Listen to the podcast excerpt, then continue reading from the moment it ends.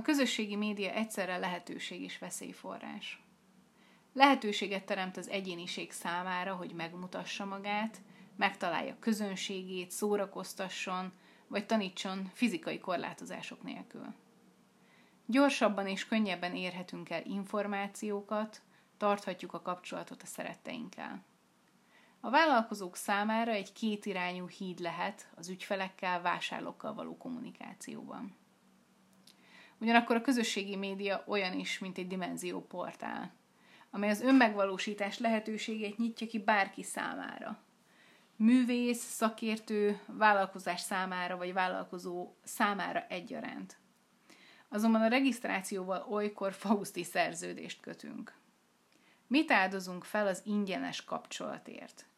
Milyen díjat fizetünk a világ leggyorsabban terjedő technológiájáért, ami közvetlen az emberek arca elé repít minket napi több mint hat órában?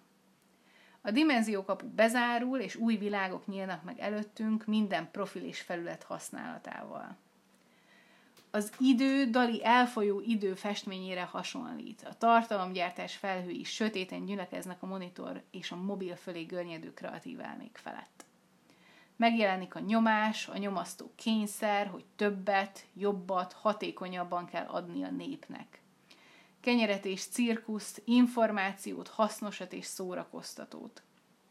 Futóhomokként peregnek ki a posztok a kezünk közül, és ebben a lehetőség vízesésben maga alá temet a szorongás, a kényelmetlen gondolat, hogy itt van előtted minden idők legnagyobb lehetősége, te meg nem használod ki, mert lusta vagy. Beindul a verseny, és beüt a FOMO. Rettegsz, hogy valamiből kimaradsz. Valamiről lemaradsz, meg különben is uh, ki lenne rád kíváncsi. Hello, impostor szindróma. Igaz?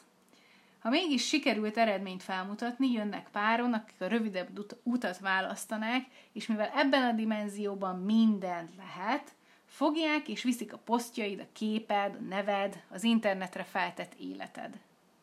A közösségi média néha tényleg olyan, mint a Slider című film vagy sorozat, ahol profil, sőt, ahány profil, sőt, ahány poszt, annyi élet.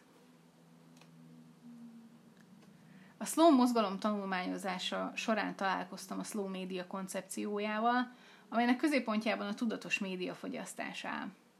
A kevesebb, de minőségi hírfogyasztása és terjesztése. Ezt jelenti a slow média. Miközben a slow, vagyis lassú szemlélet lassan gyökeret eresztett a mindennapjaimban, felélet bennem az igény az online mókuskerék lassítására. Így született meg a slow social, vagyis a lassú közösségi média iránti igény, és közösségi média menedzsment módszertana, amit a mai napig csiszolok. Kicsit hagy meséljek a slow mozgalomról, ha esetleg nem ismernéd. A slow mozgalom 1986-ban indult útjára azzal a célral, hogy felhívja az emberek figyelmét a felgyorsult életre, amely megfoszt bennünket önmagunktól, az élet élvezetétől, és szorongással tölti meg a mindennapjainkat. A slow szemlélet szerint, amikor gyorsan élünk, folyton elfoglaltak vagyunk, mindent kontrollálni szeretnénk, a mindennapokban kapkodunk, stresszes, felszínes mindennapjaink vannak, türelmetlen emberré válunk, és a mennyiséget többre értékeljük a minőségnél.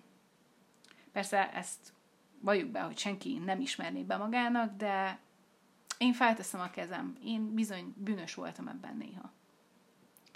Ezzel szemben a slow vagy lassú élet nyugodt.